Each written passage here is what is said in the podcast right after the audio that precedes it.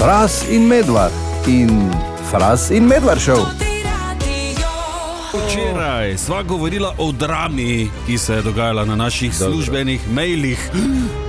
Šok. Veš, ko piše v Cajtngah, šok, šokantno, Ja, ne boste verjeli. nepravično. Namreč vsi smo dobili VIP vabilo na downhillko, razen frasa. To je res, ampak prišlo je do preobrata. Kaj? Včeraj zvečer sem Ne. tudi jaz dobil vid vabilo Zakaj? downhill. okay. Aha, vidiš, torej, fras, če ne bi včeraj govorila o, te, o tem, ziger še danes ne bi dobil vabila, tako da ni kaj stari. Ne? Ja, res. Videl? Hvala. Z mano se moraš družiti, pa te bojo vabili. Že dolgo časa je minilo, odkar sem te na zadnje vprašal, in vse ostale, ki poslušate, kaj si danes vijo, oziroma kaj si danes videl. Kaj sem danes videl? Vprašanje, ki ne zahteva spektakularnega odgovora. Ah, ampak imam spektakularen odgovor. Ja?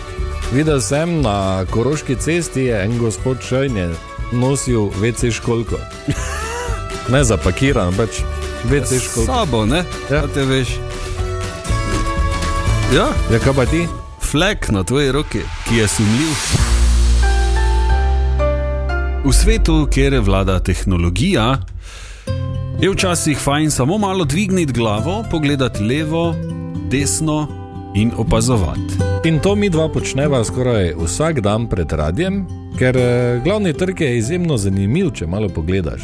Res je, danes recimo tečno vreme, oblačno, malo pika tu in tam, piha mrzel veter, Po trgu nosi staro piksno od piva, pa neko plastiko, listje se vrtinči, mimo gre Indijec v kratkih rokavih, v daljavi nekaj glasno poči, ker je fulu zapihalo in je verjetno nekaj prevrglo. Nekateri ljudje hitijo, osredotočeni samo na cilj, gledajo naprej in se ne ozirajo na druge. Drugi z nasmeškom na obrazu klepetajo in se sprehajajo, En laufa kar pomeni, da je življenje lepo, če ga živiš. z veliko žlico.